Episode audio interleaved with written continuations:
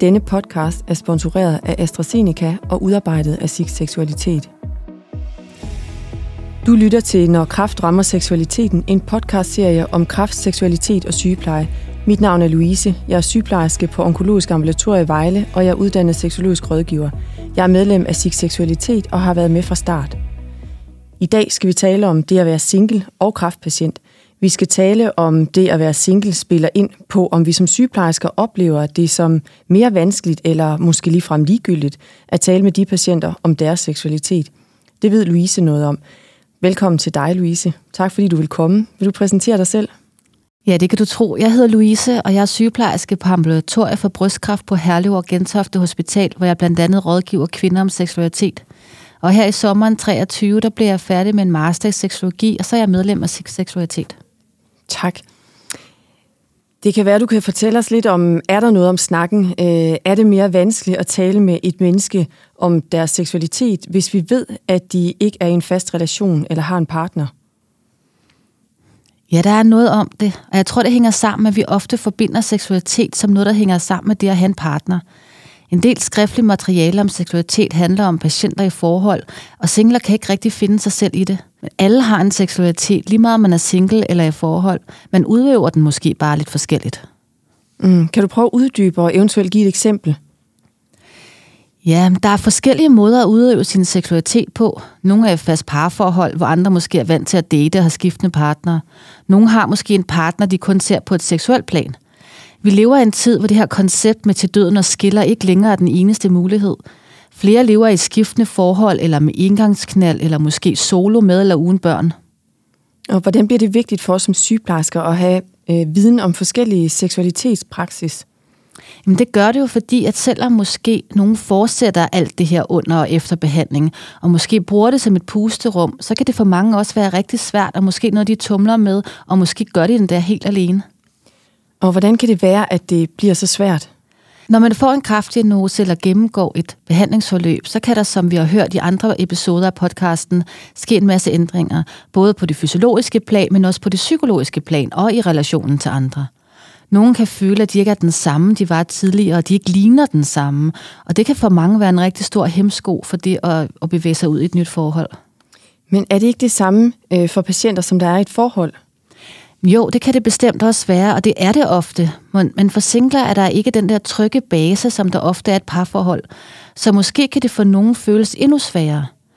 Ofte der handler et nedsat kropsbillede ikke kun om, hvordan man selv synes, man ser ud, men lige så meget om, hvordan man tænker, andre synes, man ser ud.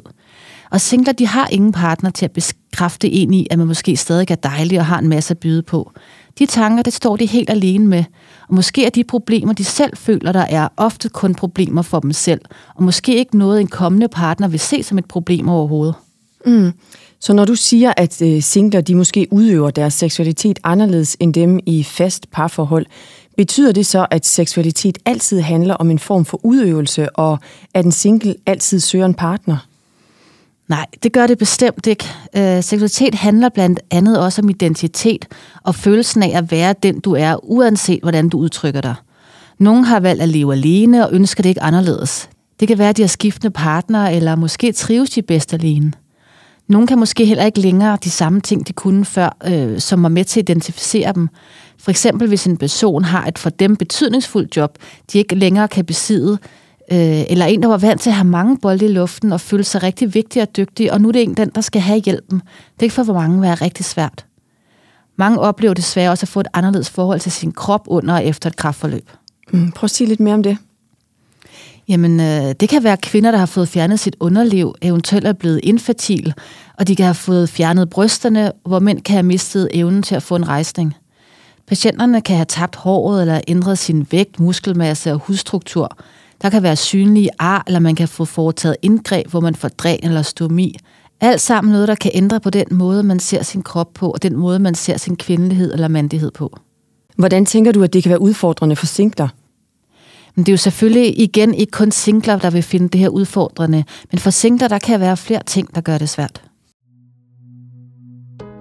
Den britiske sociolog Anthony Giddens bruger begrebet plastisk seksualitet om sex, der udelukkende dyrkes for egen skyld og ikke begrænses til parforholdet. Den polsk-britiske sociolog Sigmund Baumann kalder dette for flydende kærlighed. Der er ingen sociale eller kulturelle spilleregler for forhold længere, og de indgås alene for lystens skyld.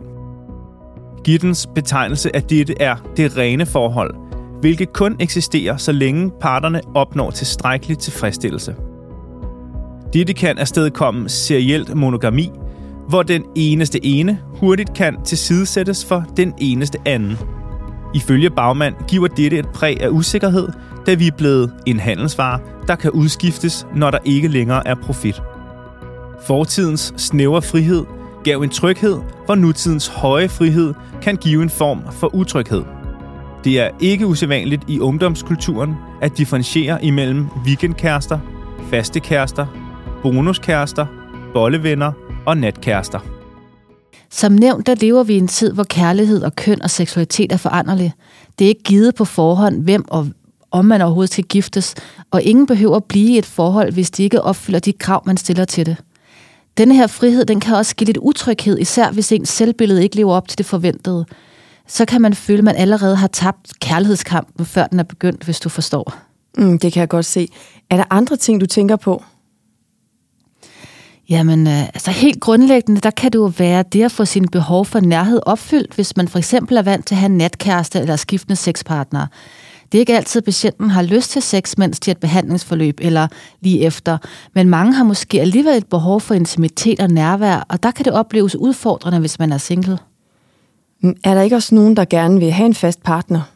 Jo, hos nogen kan ønsket om en kæreste jo godt være der, og så kan spørgsmålet omkring, hvornår i kæresteforløbet øh, man bør fortælle om ens kraftforløb og de bivirkninger, man har. Øh, så nogle tanker kan jo dukke op. Skal man sige det med det samme, eller skal man vente til de selv opdager de her synlige forandringer? Og hvad vil du svare, hvis patienten spurgte dig om det? Jeg vil jo sige, at der er ikke noget, der er rigtigt og forkert. Øh, det må patienten selv mærke efter, hvad der føles rigtigt netop for dem selv.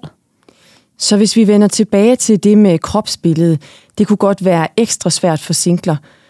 Det kan vel også handle om det at skulle opsøge en ny partner?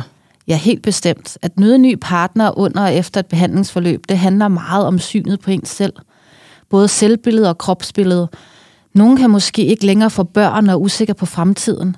Nogle kan have tanker om, at de ikke har noget at tilbyde en partner og spiller spørgsmål, som kan jeg overhovedet blive elsket lige altså igen netop på grund af de her defekter i gåseøjne, som nogen oplever, de har.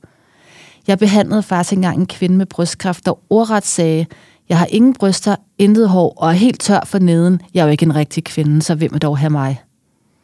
Så det at have tanker om ikke at være god nok eller tilstrækkelig som partner, er noget, der fylder meget hos den enkelte? Ja, det gør, at nogen derfor kan være bange øh, og komme til at udlægge muligheden for et forhold, øh, fordi som sagt helt naturligt er bange for at blive afvist, eller at de ikke kan overskue den åbenhed, som et forhold kan kræve. Så hvad gør patienterne i den situation? For nogen, der kan netdating måske være vejen frem, fordi så kan man stille og roligt lære hinanden at kende, uden at skulle tage stilling til sit udseende. Man kan måske stille og roligt få fortalt, hvad man har været igennem, og derved måske få lagt presset væk, inden man sådan mødes rigtigt. Mm, mm. Er det til din oplevelse, at det virker for patienterne? Altså, det er jo forskelligt, hvad der virker i jagten på kærlighed, så man kan sige det sådan. Ligesom det for folk, der ikke har været igennem et kraftforløb. Og derfor er det også rigtig vigtigt for patienterne at huske på, at hvis et forhold ikke udvikler sig, som man ønsker det, der behøver det jo altså ikke at være kraftens skyld. Måske det bare ikke var det rigtige match, og det ville have gået i stykker under alle omstændigheder. Så hvad skal vi sige til patienterne? Hmm, jeg tænker, det er vores fornemmeste opgave er at lytte og have en forståelse for de tanker og udfordringer, patienten går med, så vi kan hjælpe dem. Jeg talte på et tidspunkt med en ung mand, der havde en urostomi, og han havde mange år ar på kroppen og smerter, der krævede morfindækning. Han brugte injektion til at få rejsning, men var stadig meget aktiv på Tinder og havde mange løse sexpartnere. Og er der stor forskel på, hvordan den enkelte udlever og oplever sin seksualitet? Øhm, kan du prøve at give lidt flere nuancer?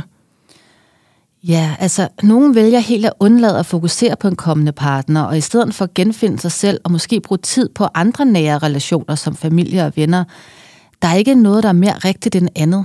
Det betyder dog ikke, at sexlivet behøver at gå i stå. Der er jo forskellige måder at have sex på, og for nogen, der kan det måske være helt rigtigt at finde en partner i byen for en aften. Mens for andre, der kan selvberøring og selvstimulering være moden. Så kan de lære deres krop og dens lyst at kende og opleve, hvad der føles rart og hvad der ikke føles rart i netop deres helt eget tempo. Måske for, forsøge at forlige sig lidt med sit nye jeg og sin ændrede krop, inden man skal til at dele den med en anden. Mm. Tusind tak, Louise. Tak for at gøre os klogere på, hvad det vil sige at være kraftpatient og single, og også hvad vi som sygeplejersker kan stille op, når vi møder den her patient. Selv tak, det var en fornøjelse at være med. Er du blevet nysgerrig, og vil du vide mere om kraft, seksualitet og sygepleje, så lyt til de øvrige afsnit i denne podcast-serie, Når kraft rammer seksualiteten.